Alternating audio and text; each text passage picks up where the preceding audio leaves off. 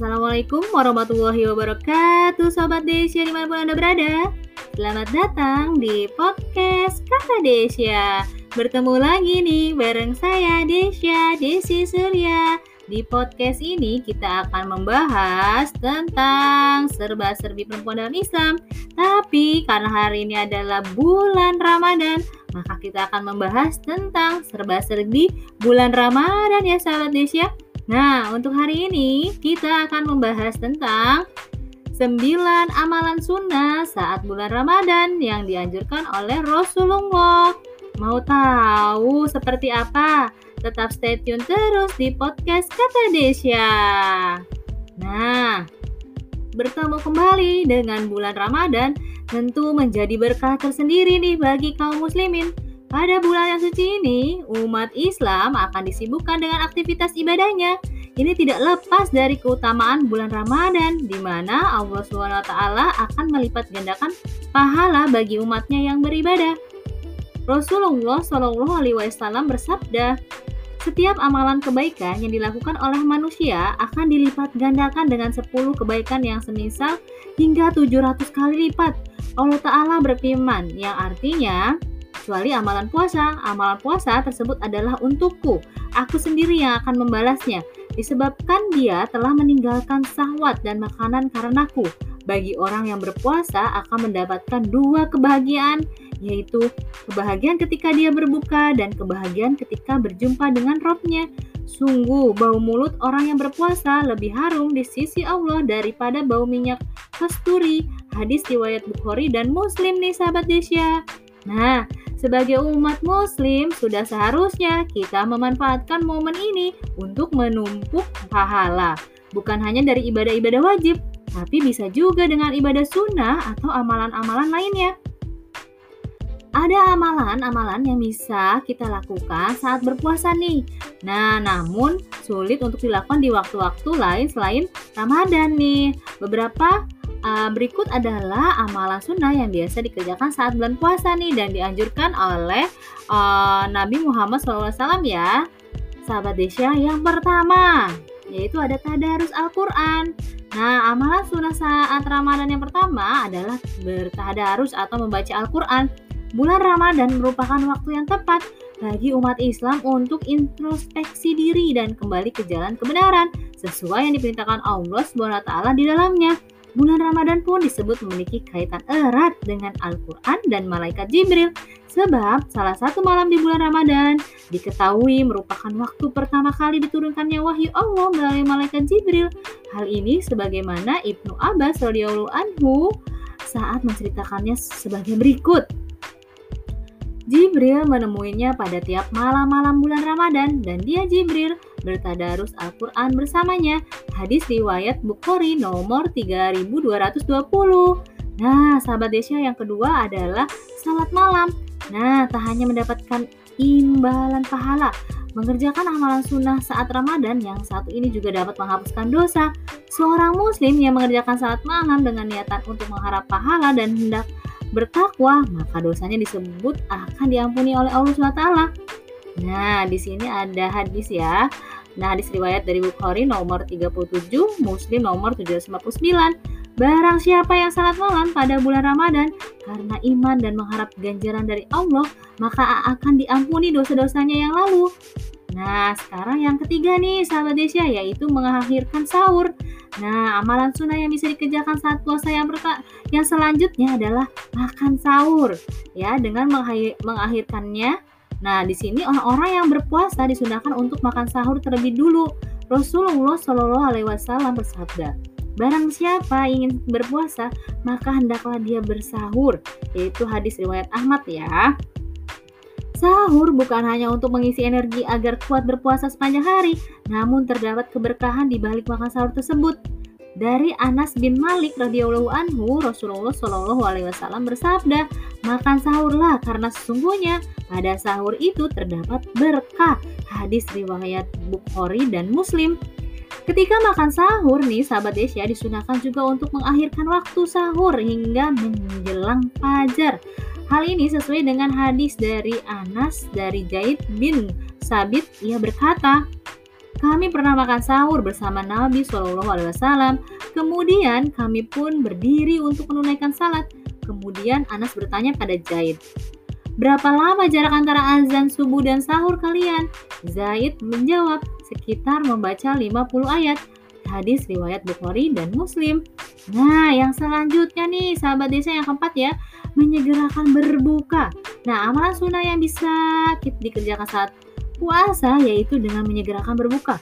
Nah, dalam hal ini Rasulullah SAW bersabda, manusia akan senantiasa berada dalam kebaikan selama mereka menyegerakan berbuka. Hadis riwayat Bukhari dan Muslim. Hadis lain juga menyebutkan, umatku akan senantiasa berada di atas sunahku atau ajaranku selama tidak menunggu munculnya bintang untuk berbuka puasa. Hadis riwayat Ibnu Hibban dan Ibnu Huzaimah.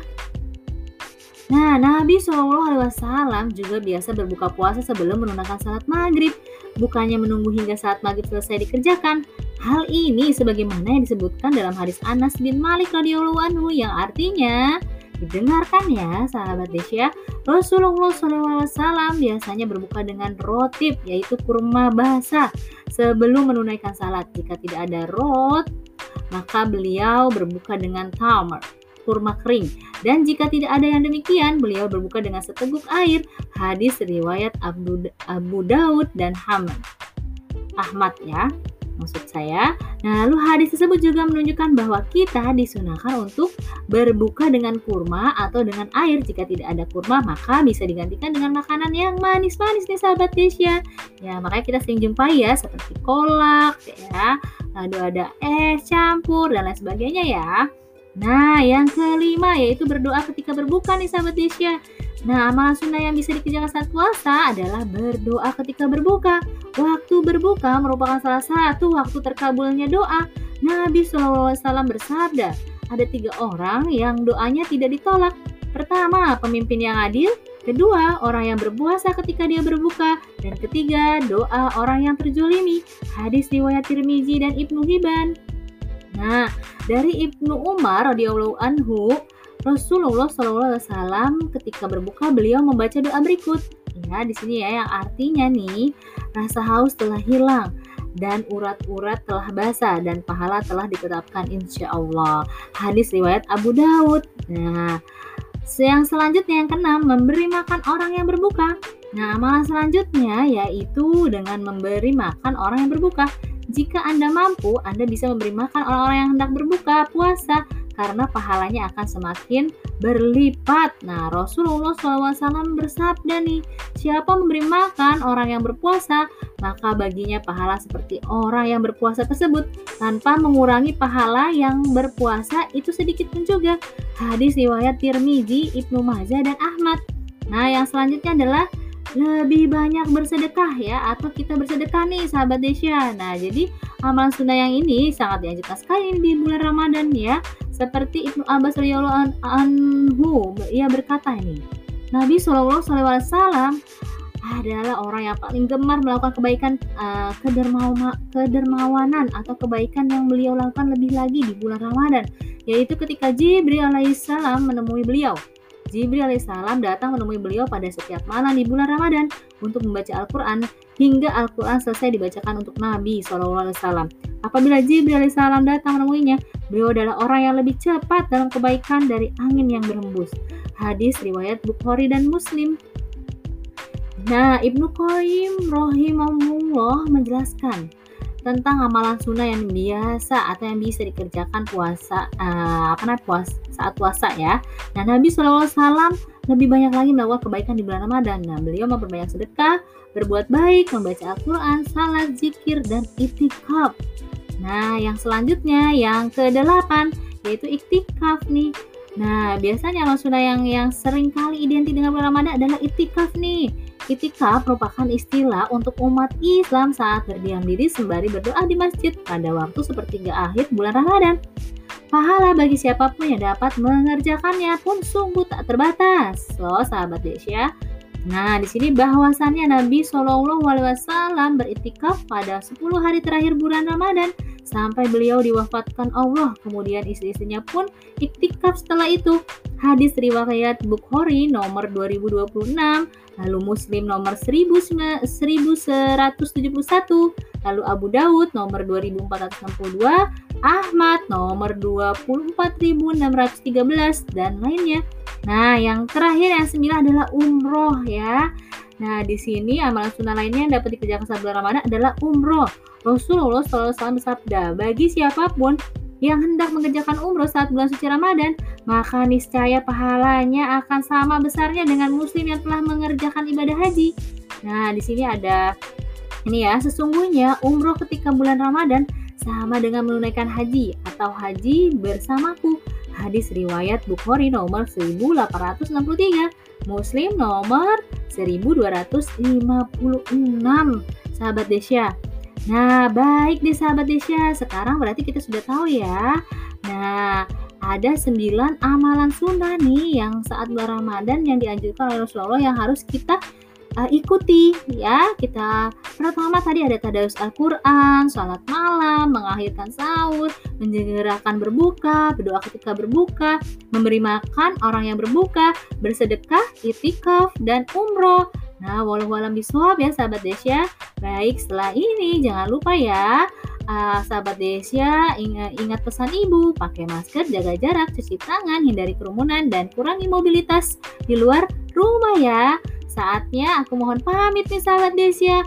Dan sampai berjumpa lagi di episode selanjutnya. Wassalamualaikum warahmatullahi wabarakatuh sahabat Desya. Dan selamat menunaikan ibadah puasa ya.